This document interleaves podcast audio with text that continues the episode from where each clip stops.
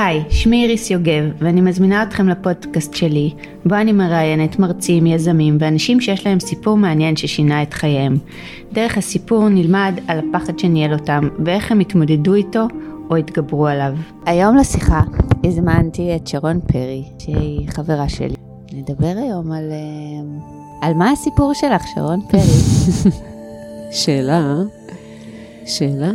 כן, כולם מכירים אותך כשדרנית, נכון. קשוחה, יפה, גולשת, אומנית מטורפת. אני לא יודעת אם מכירים, אבל אני מכירה אותך ככזאת. לא יודעים, מה הסיפור שלך ומי את? אז בואי נגלה להם קצת. כן, זה מדהים איך המעטה החיצוני שאנחנו עוטים כולנו על עצמנו יכול כן. אה, כל כך, אה, לבלבל. כן, לתעתע, ומה ש, שרואים מבחוץ הוא הפוך ורחוק שנות אור ממה שקורה בתוך הנפש שלנו, כל אחד ואחד. נכון, אז אה, מדהים. וככל שאנחנו יותר אה, חושפים את הסיפור שלנו ויודעים מי אנחנו, אנחנו קצת מצמצמים את זה. אז אולי אה, היום נכיר ככה עוד צדדים שלך, ונתחיל עם זה שרגע תציגי את עצמך למי שלא מכיר. שרון פרי, כבר 50 שנה על הכדור, עוד מעט אה, בואכה אחת. עוד אה, קצת חכי. עוד, עוד חצי שנה, זה קורה. ואימא לילד בן 20, מהמם, בשם אלעד, חיפאית, שדרנית ספורט, עובדת בתחום כבר מעל 25 שנה, מציירת, גולשת, חי את החיים, בסך הכל.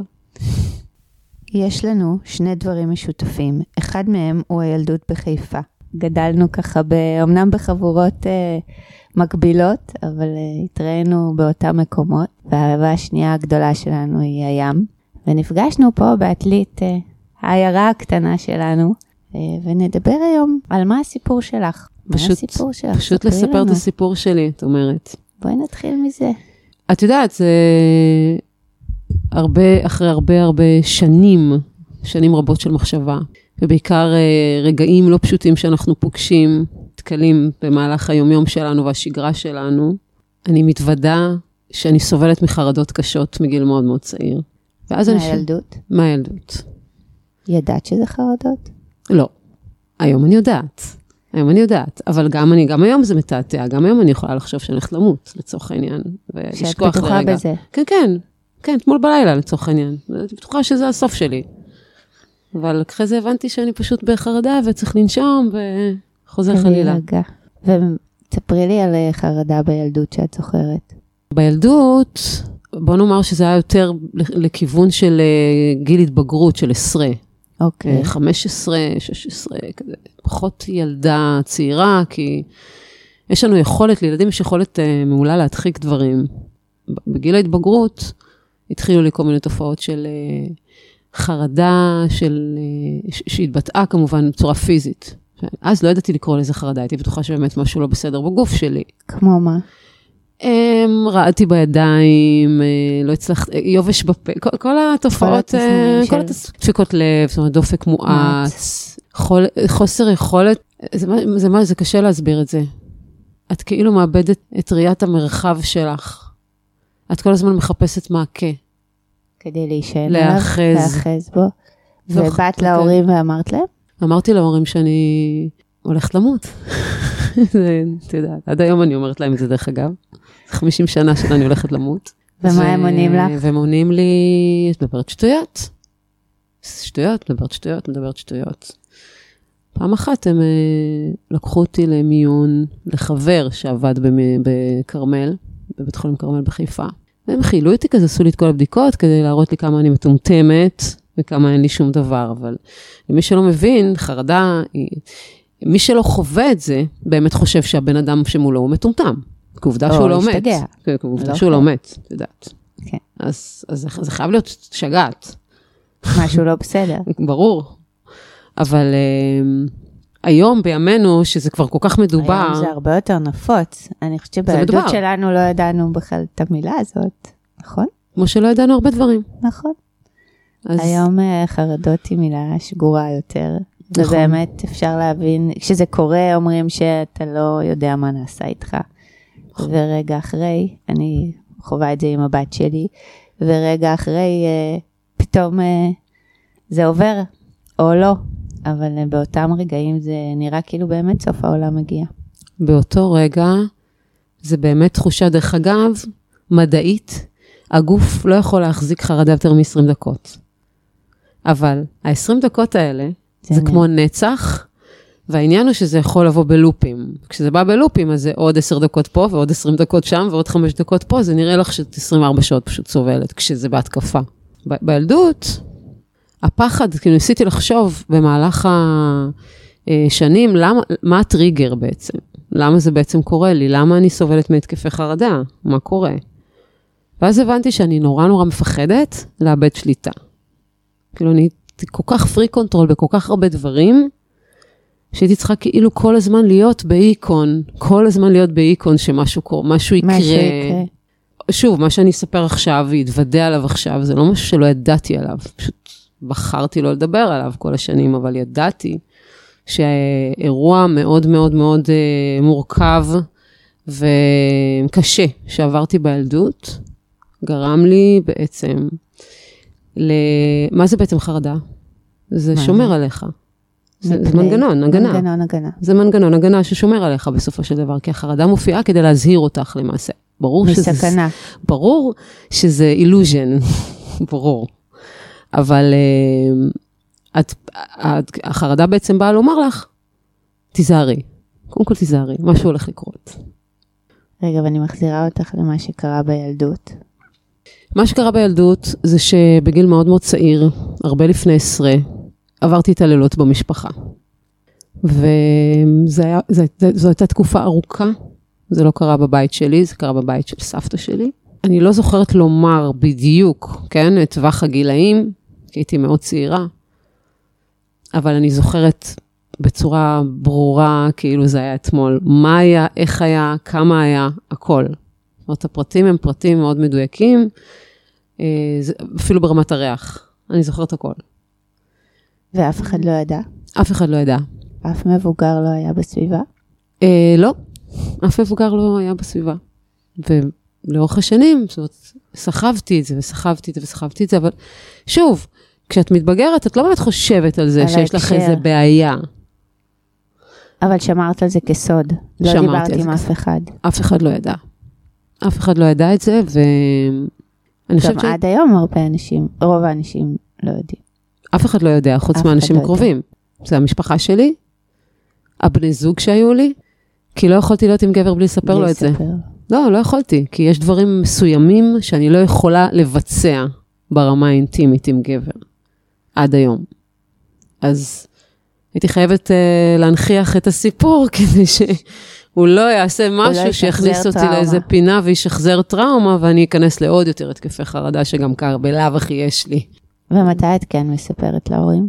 אני בעצם פותחת את כל הנושא הזה כשאני בת 20 פלוס, בתחילות, תחילת שנות ה-20 שלי, כשאני פוגשת חבר מאוד טוב, שאז uh, תלמיד uh, ברפואה סינית, הוא למד שיאצו, והוא רצה לעשות עליי איזשהו תרגיל תוך כדי לימודים, והיינו אצלו בבית, והוא מנסה לטפל בי ולא מצליח, לדבריו. הוא מרגיש מה? מרגיש חסימה. ואז uh, הוא אומר לי, תקשיבי, אני לא מצליח. את יודעת, שיאצות נכנסת עם המרפקים, נכנסת נורא עמוק לגוף, והוא לא מצליח, אני כולי כמו גוש קפוץ כזה. הוא מנסה שוב, ואז אנחנו מסיימים, והוא כזה יושב כזה בצד, והוא היה קצת מאוד uh, לא נינוח. והוא אומר לי, אני, אני לא מצליח לגעת בך. אני לא מצליח לטפל בך. אז אמרתי לו, אני לא יודעת על מה אתה מדבר, אני בסדר, הכל טוב, היה לי מאוד נעים, אני באיזה סרט אחר. ואז הוא אומר לי, אני לא, לא, לא, לא הצלחתי, לא הצלחתי להגיע אלייך בשום צורה. ואז הוא התחיל לחפור לי. הוא שאל שאלות? הוא התחיל לשאול שאלות. את הבנת? אני בהתחלה לא הבנתי. לא הבנתי. כשהוא שאל כבר הבנתי. מה הוא שאל? אם עברתי משהו, טראומטי. הוא לא ידע לקרוא לזה בשם, כמובן. אז בהתחלה אמרתי לו, לא יודעת, לא, לא, לא יודעת, כזה, לא. ואז אמר לי, תקשיבי, אני לא מצליח לגעת בך, כי לדעתי יש לך איזשהו משהו מאוד מאוד מאוד חסום בעקבות איזושהי טראומה, ככה אני מרגיש. ואת כבר לא יכול, לא, זה, זה כמו שאת יודעת, אתה, אתה, אתה דוחק מישהו לפינה, דוחק מישהו לפינה, וכבר אין לו לאן לברוח, זה כמו איזה ג'וק שנתקע לך בפינה, ובום, אתה הורג אותו בסוף. אז הוא עשה וידוא הריגה בעניין הזה, שזה, ב, את יודעת, בדיעבד היה וידוא הריגה מצוין בשבילי, כי הייתי צריכה להוציא את זה באיזושהי צורה. ואז סיפרתי לו. סיפרתי לו, זה היה מאוד קשה, היה שם בכי, היה שם אה, איזושהי התפרצות כזו של הרבה מאוד שנים, של תיבה שהייתה סגורה הרבה מאוד שנים. ואז הוא אמר לי שאם אני לא אה, אחשוף את זה ואוציא את זה החוצה, לא משנה איך אני אבחר לעשות את זה, לא צריך, את יודעת, ישר לבוא ולספר וללכת למשטרה ווואטאבר, אלא פשוט לספר, לטפל, ללכת למישהי שתעזור לי, מישהו, מישהי, לא יודעת. ואז הוא אמר, אם את לא תעשי את זה, את לא תוכלי לנהל את החיים שלך, נכון. בשום צורה. זה, את תוכלי, אבל אותך. זה פשוט רודף וחוסם. זאת אומרת, נכון. יש איזשהו סף שלא בהכרח לספר, אני חושבת, לא חייבים החוצה, אבל אה, קודם כל לעצמנו. כאילו, זה משהו שהיה מודחק בינך ובינך בהרבה מאוד שנים. נכון. תתקרבי למיקרופון. כן, אני מתקרבת. היה לי פשוט, נהיה לי חם. היה גל. כן, בוודאי, כאלה, לתקופה שאנחנו נמצאים בה. אמ, ומתי את מספרת להורים אחרי השיחה איתו? אחרי השיחה איתו, הוא חיבר, חיבר אותי למישהי שהוא אה, שמע עליה, שהיא מטפלת גם בדמיון מודרך, ומשהו שכביכול הוא, לדעתו, חשב, את יודעת, היינו חברים, אבל כנראה שהיה מספיק חכם אז כדי להבין שצריך לעשות איזשהו דמיון מודרך, לה, להחזיר עוקף. אותי ל, אה, לרגע הזה שבו חוויתי את מה שחוויתי, כדי לה- להוציא את הדברים החוצה. ובאמת הלכתי אליה לאיזשהו, לאיזשהם כמה טיפולים, ואז היא אמרה לי שהיא חושבת שאני צריכה להוציא את זה החוצה ולספר להורים שלי לפחות. וסיפרתי להורים שלי, סיפרתי לאבא שלי לחוד ולאימא שלי לחוד, כי כשסיפרתי לה, היא אמרה לי שלא תעיזי לספר לאבא. אבל דווקא באיזשהו מקום רציתי נורא לספר לאבא שלי, כי רציתי שהוא יגן עליי, אבל כשסיפרתי לו, זה לא קרה. למה? כי הוא הלך לדבר עם דוד, דוד שלי שפגע בי, ודוד שלי אמר שלא היה ולא נברא, ושם זה נגמר. הוא האמין לו? אני לא יודעת אם הוא האמין לו, אבל עובדה שהוא לא הגן עליי. זאת אומרת, גם כשהוא היה... הוא ניסה להגן עלייך בזה שהוא הלך. אז מה, גם אני יכולה ללכת. אבל אני מבטיחה לך שאם מישהו יבוא ויגיד, שאם אם הבת שלך תבוא ותגיד לך ש- שאח שלך, אם לא יודעת אם יש לך, פגע, פגע, בה, פגע בה, את שוחטת אותו ברור. במקום. נכון. קוצצת אותו דק, דק, דק, דק. זה מה שאני הייתי עושה עם הבן שלי, היה בא ואומר לי שהוא נפגע. זהו, חד משמעית. אין פה, את יודעת, אני אלך לדבר איתו, נראה מה הוא אומר. ברור, לא, הוא בטח היה ואומר לך, כן, אני פגעתי בה, ברור שפגעתי בה, אני ממש מצטער, אני מצטער שהרסתי לבת שלך את החיים. את מבינה? כן, כן, אני זה? לגמרי מבינה. אז אין פה עניין של ניסה. הוא הלך, דיבר איתו, הוא הכחיש, והחיים המשיכו. ועם אמא שלך? אימא שלי כבר אז אמרה שהיא לא מסוגלת להתמודד עם זה. אח שלה. כן, אני מבינה. אני רק מדמיינת, אם אח שלי, היה עושה את זה. לא לילד שלי, לאחייניות שלי, אוקיי? לא לילד שלי. שוחטת, כבר אני אומרת, כאילו. זה, זה, זה בכלל אין על מה לדבר מבחינתי, זה, זה, זה מאוד רגיש אצלי הנושא הזה, מאוד. והם המשיכו להיות בקשר איתו? הם המשיכו להיות בקשר איתו, לא כמו שהוא היה לפני, אבל המשיכו להיות בקשר איתו. אה, היו אצלו באירועים כאלה ואחרים, אה, אבא שלי בנה לו כל מיני דברים, כי אבא שלי, את יודעת, הוא כזה הנדימן. שבונה בונה לכולם, אז הוא גם בנה לו, הייתי בונה לו, הייתי שוברת לו משהו על הראש, לא בונה לו, אבל הוא בחר לבנות לו. אני הייתי כל הזמן בסוג של צעקה. אה, תראו אותי, כי תראו אותי. הבאתי אותם ל... אני זוכרת שהבאתי אותם אחר כך לטיפול, ועשיתי לימים אחר כך, אה, עברתי איזה כמה וכמה וכמה מטפלים במהלך שנים. השנים מהג- מגיל 20 עד היום, אה, שחשפתי את הסיפור הזה. תחשבי, יש פה איזה 30 שנה ככה בלי למצמץ.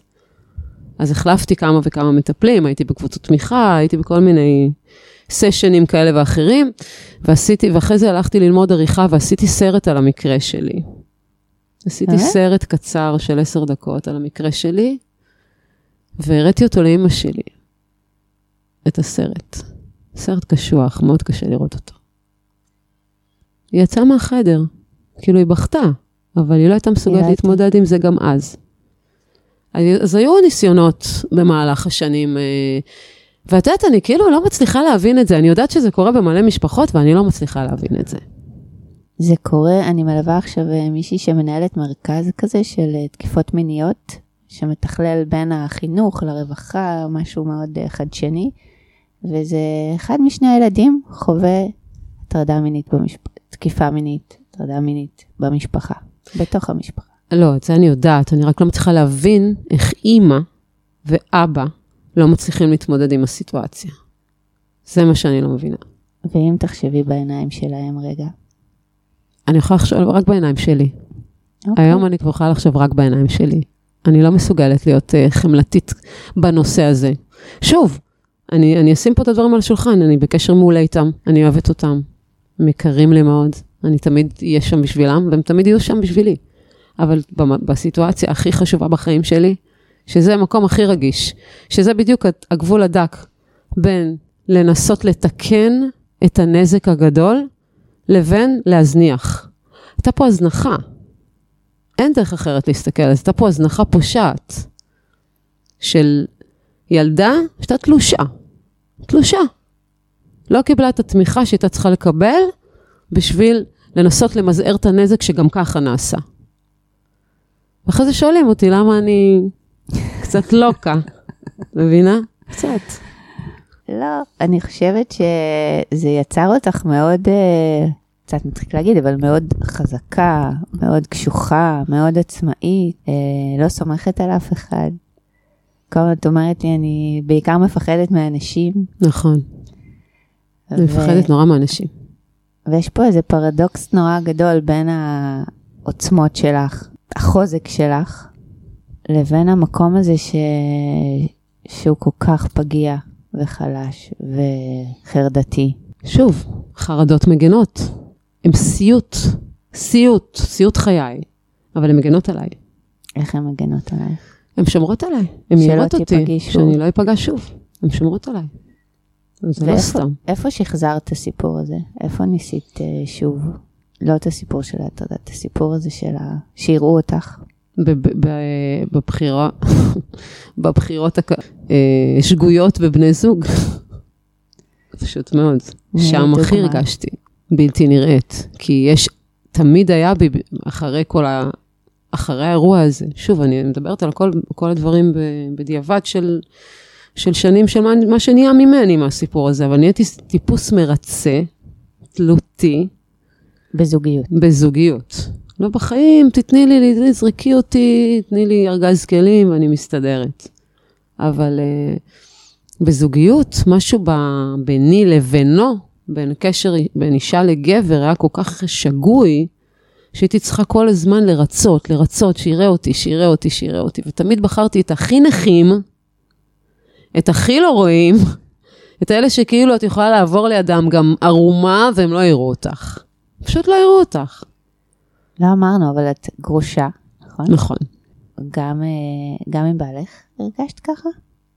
עם אורי? אורי היה, אני באתי מאוד פצועה, והוא גם היה מאוד פצוע. זאת אומרת, הוא היה לו את הסיפור שלו, ולי היה את הסיפור שלי, וזה ביחד היה פשוט גיהנום. אבל זה לא היה ממקום שהוא לא ראה אותך. הוא לא ראה אף אחד.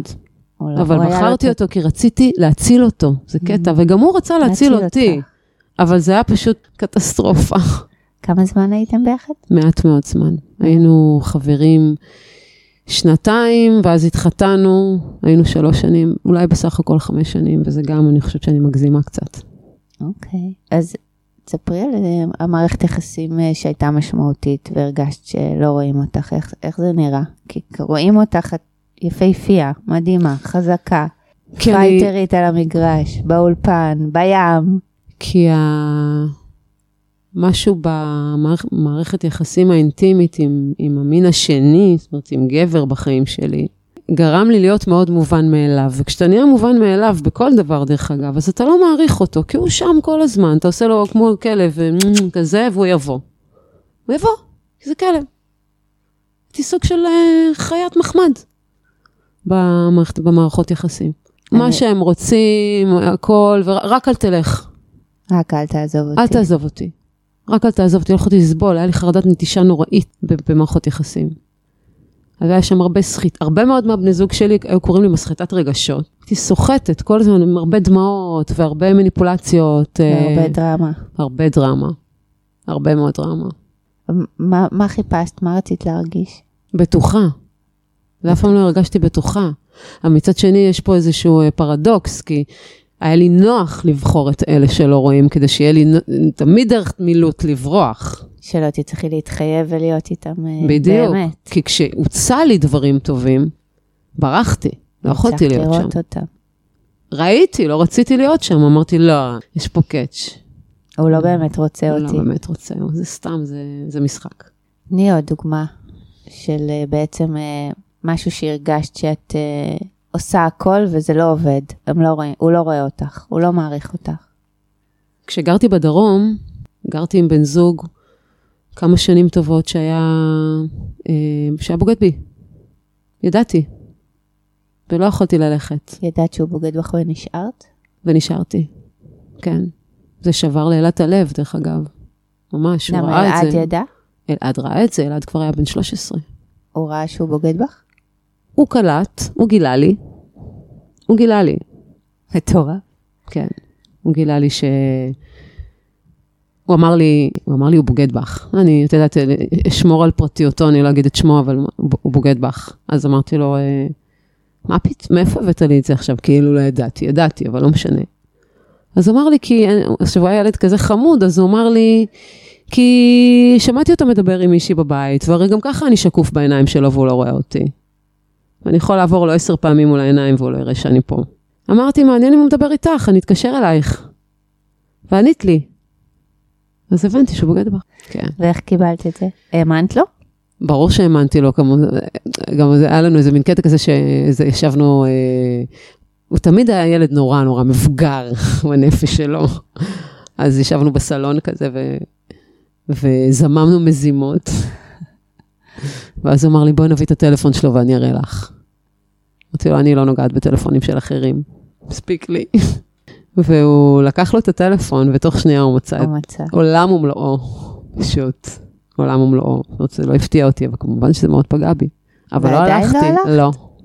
לא הלכתי. מה עשית?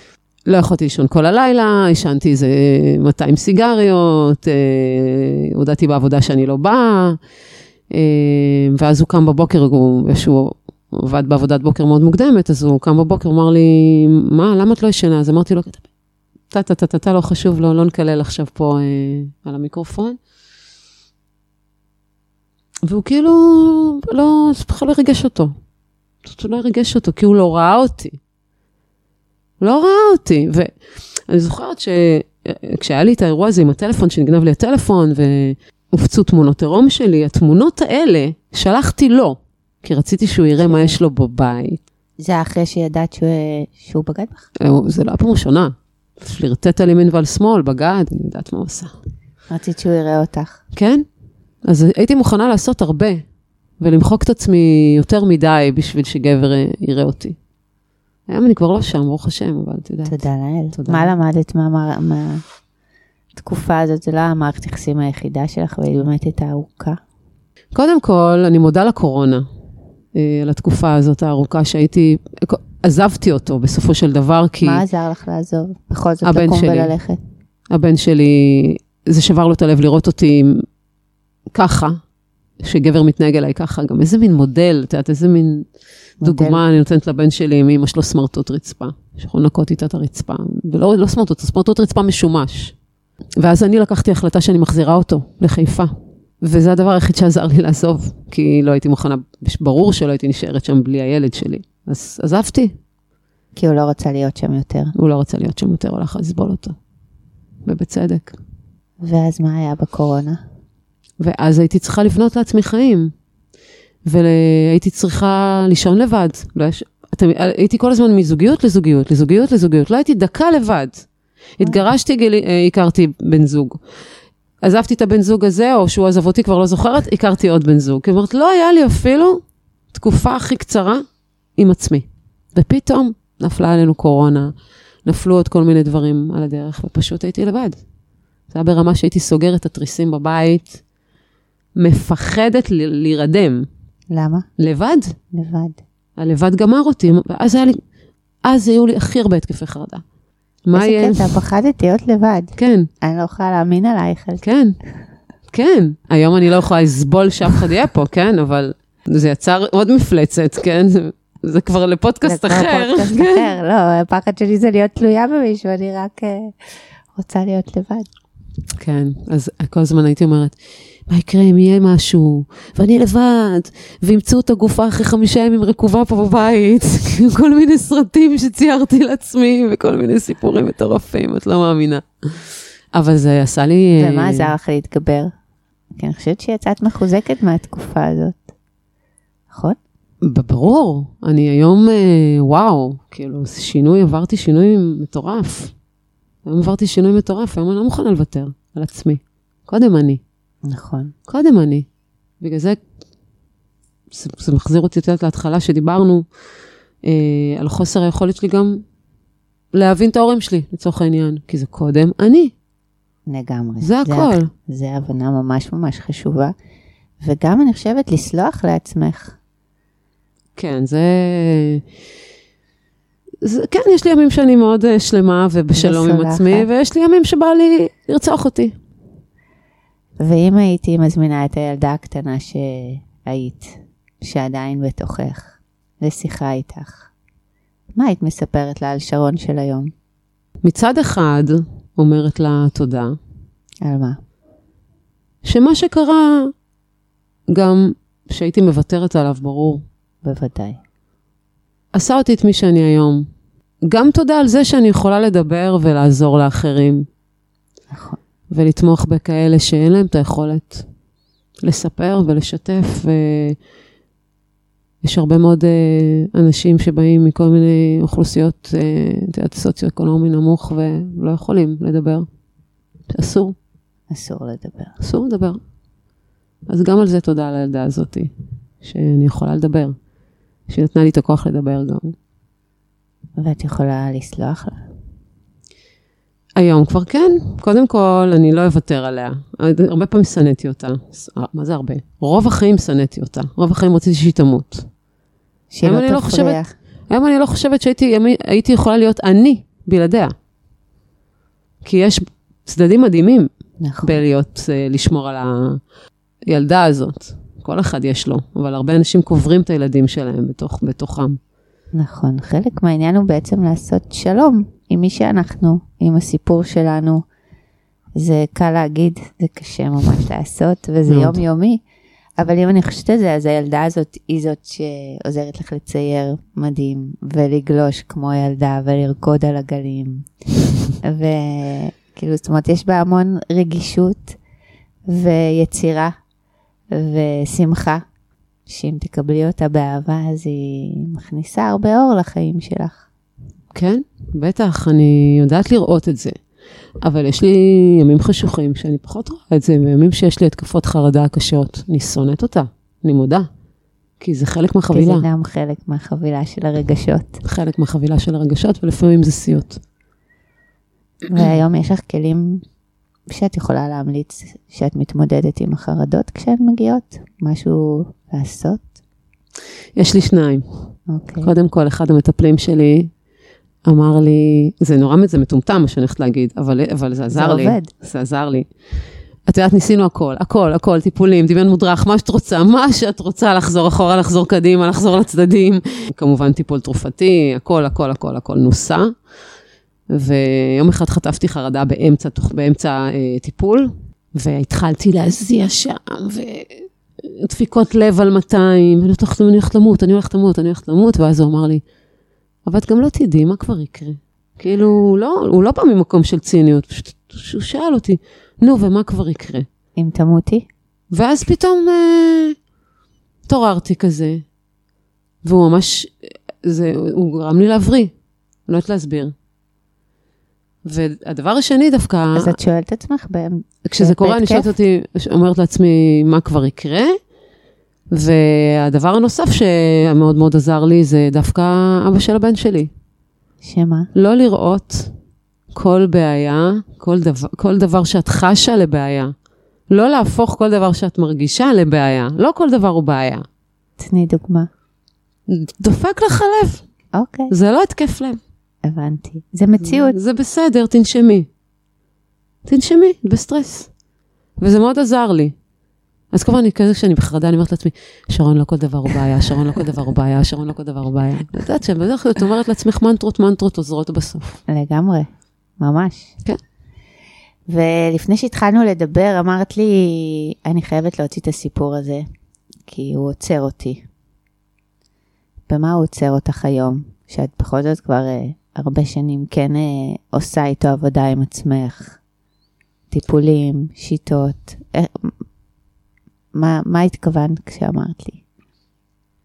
קודם כל, אני חושבת שאם אני אוציא אותו, אז העולם סביבי, הקרוב והפחות קרוב יותר יבין אותי. נכון. אני חושבת שלהוציא את זה החוץ, זה תוקע אותי, זה תוקע אותי בלמצוא בן זוג. זה, זה תוקע אותי בלהגיד לא. כי את לא אומרת לא? לא. הנה, את רואה לא. לא אומרת לא, ולומדת על שלי. כאילו, מבחינתי את הכי אסרטיבית ואומרת לא, סתם, ואת אומרת, אני לא יודעת להגיד לא. אני לא יודעת להגיד לא, אני כאילו מצטיירת, כי גם כשהייתי ילדה, אז תמיד היו, היו אומרים לי, ודרך אגב, זה גם היו, זה אחד הדברים שהייתי צועקת תוך כדי שינה, תעזבו אותי, תעזבו אותי, כאילו כל הזמן ילדה מורדת כזאת, אבל שלא אומרת כלום, רק אומרת שיעזבו אותה. אבל היא לא אומרת לא, רק תעזבו אותי. זאת אומרת, זה מין משפט כזה שחזר על עצמו מהילדות. אז אני צריכה כן לתווך לעולם את הרצון שלי, ומה טוב לי ומה לא טוב לי.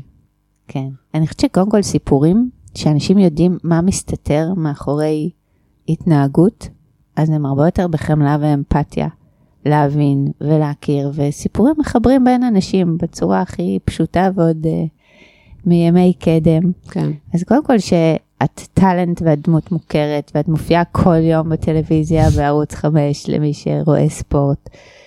ובאמת, uh, את אמנם לא מדברת שם על דברים אישיים, אבל uh, לגמרי רואים שם דמות אחרת או על uh, מגרשי הכדורגל.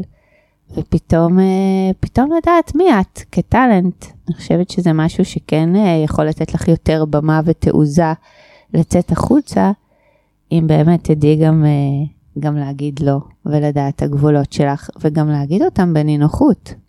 לא ב... לא בתעזבו אותי, כן, אני זהו. את קיפוד. כן, כן, כן. כן. אז... זה אומר לי משהו תמיד. מי? אבא שלך? אבא שלי תמיד היה אומר לי, הנה היא שולפת הקוצים. הנה היא שולפת הקוצים. ומה שאת עושה, אז את מרחיקה את כולם ממך. נכון. ואז את אומרת, כולם עוזבים אותי. או שכולם עוזבים אותי, או שאני פשוט לא בא לי שאף אחד יהיה סביבי, ואז אני אה, מפרשת את זה שאני לא אוהבת בני אדם, וטוב לי לבד. את מספרת לעצמך סיפור. סיפורים. פשוט מספרת לעצמך סיפור כל הזמן כדי להרגיש נוח במקום שאת נמצאת, אבל בסופו של דבר, אנחנו כולנו רוצים מישהו שיאהב אותנו, אנחנו כולנו נכון. רוצים את החיבוק בבוקר, ואנחנו כולנו רוצים את המילה הטובה. מי אנחנו בלי עוד אנשים בחיים? אנשים די אומללים. נכון, בודדים. ובודדים? ובסוף לא כיף להיות לבד. לא. אמנם זה יותר בטוח. נכון. אבל זה לא באמת אה, כזה כיף. מה החלום הבא שלך? החלום הבא... האמת שאני מגשימת חלומות ידועה, נכון. כאילו, אני תמיד עושה מה שאני רוצה, אני בסופו של דבר גם לוקחת. אבל uh, אני ארצה מתישהו, את יודעת, לפרוש מוקדם, לפתוח סטודיו, לגור באיזה ספוט של uh, גלים כל יום, ולצייר כל חיי, זאת אומרת, לצייר ולגלוש, לעשות את שתי האהבות שלי. עם איזה בן זוג. עם בן זוג רצוי, כן, מישהו שאפשר לעוף איתו, להזדקן איתו, את יודעת, בגיל שלנו זה כבר להזדקן, זה כבר פחות... אה... זה כבר החצי, החצי של הסוף. תשמעי, זה כבר, אה, כן, זה מכובד. לגמרי מכובד. Yeah. כן. יש עוד משהו שאת רוצה להגיד? האמת שנראה לי ששפכתי פה הרבה. כן, באת אה, לגמרי פתוחה? ופגיעה. ואותנטית, ואני יודעת שזה מה זה לא פשוט בכלל, ובטח לא לך. אז קודם כל, אה, אני בטוחה שזה ייתן כוח ויעזור אה, גם למי שמקשיב לנו, וגם לך, לתקשר יותר את הרגשות שלך ואת הסיפור שלך, ו... ולעשות דברים שטובים לך. ולמצוא את הדרך, אני חושבת שכשאנחנו יודעים מה אנחנו רוצים, אז יותר קל לנו גם להגיד כן או לא. כן, זה נכון. היום אני יותר יודע, יודעת לזהות את זה, את המקום של אה, להתמודד עם, ה, עם הלא. ואיפה זה הכי קשה לך? בזוגיות. בזוגיות? ברור.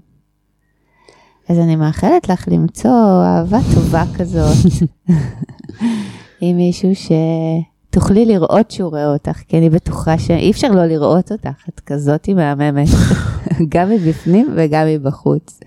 תודה, תודה. ושיהיה לך את הביטחון, אה, שתרכשי אותו אולי בתוך הזוגיות, להיות, אה, להיות ביחד ולראות שרואים אותך. ושאת אה, לא לבד, ושלא תצטרכי לעשות מאמצים, ובאמת יראו ויאהבו אותך ויקבלו אותך כמו שאת. אין ברירה. אין ברירה. היום זה כבר לא תת ניתן לוויכוח. אין ברירה. צריך לקבל את כל החבילה, כמו שאני קיבלתי את כל החבילות של כולם. לגמרי. אז יאללה, לחיי האהבה והזוגיות, ויש לך מחר מתחיל מונדיאל לדעתי. נכון. אז את נעלמת לנו מהשטח. אני פה, אבל uh, הרבה. באולפן. הרבה באולפן. כן. משהו מפחיד אותך לקראת המונדיאל? לא, טלוויזיה זה המסכה הכי טובה שיש. מה? תספרי על זה קצת, על איך נכנסים לאולפן עם חרדה. שמים את המסכה, שמים את המסכה, מזיעים קצת, הלב קצת דופק, ולא בגלל הלחץ של השידור, כן? זה כשאני נכנסת בחרדה, אבל אם לא, את יודעת, הרבה פעמים אני, אני בטוחה שרוב בני האדם לפעמים באים לעבודה עם איזה כביסה מלוכלכת מהבית ולא צריכים לאסוף אחד. את עצמם. בישיבה עם אה, אנשים, באינטראקציה עם אנשים, אז אני באינטראקציה עם, עם הרבה מאוד אנשים בבית, אז אני לא יכולה להרשות לעצמי ליפול. אני שמה מסכה, והמסכה הזאת גם שומרת, היא גם מאוד שומרת. היא שומרת, אה, כן, היא שומרת על זה שיש אה, זמן מסך שאת חייבת לאסוף את עצמך ולהביא את מה שאת צריכה להביא. נכון, וברגע שאני שם, בגלל שאני כל כך מרוכזת, זה עובר. זה עובר, כן. וזה עובד. כן. וזה עובד טוב. עבודה תמיד עובדת, דרך אגב, בכל מצב של אה, סטרס, טראומה, אה, אבל, עבודה תמיד עוזרת. כל דבר שאתה מתעסק איתו עוזר. עבודה שלי בעיקר, כי אין לי, אני, אסור לי. מה אסור לך? אני לא יכולה לבכות בשידור, אלא אם כן סיפרתי סיפור נורא עצוב על אה, חס וחלילה מישהו שאיבד מישהו. אבל ספורט הוא דבר מאוד, אה, ברובו כיפי. והוא דינמי והוא זז, אז אתה גם חי את האדרנלין של הדבר שאתה מדבר עליו. אין לי זמן להתעסק עם עצמי באותו רגע, וזה טוב, כי אני נכון. מתעסקת עם עצמי מספיק. יש לך מספיק זמן. יש לי, יש לי אותי כל הזמן. לגמרי, ויש לך גם בימים, את מציירת, גולשת, נכון. יש לך מצאת עבודת חלומות. יש לי עבודת חלומות, אני מאוד אוהבת את העבודה שלי. מאוד. רואים את זה עלייך, שאת אה, באולפן, אני רואה את הסטורים, לא את הערוץ חמש. fun fun. לגמרי. אז תודה רבה, תודה על השיחה ועל הפתיחות. באהבה. ותודה רבה לכם שהאזנתם לנו, ואתם יכולים להזין לנו בכל האפליקציות של הפודקאסטים, אפל פודקאסט, ספוטיפיי וגוגל פודקאסט. אם אהבתם, אשמח שתעבירו הלאה. מוזמנים לבקר באתר שלי או בדף העסקי בפייסבוק של לצאת לאור. חפשו פשוט מה הסיפור שלך עם איריס יוגב.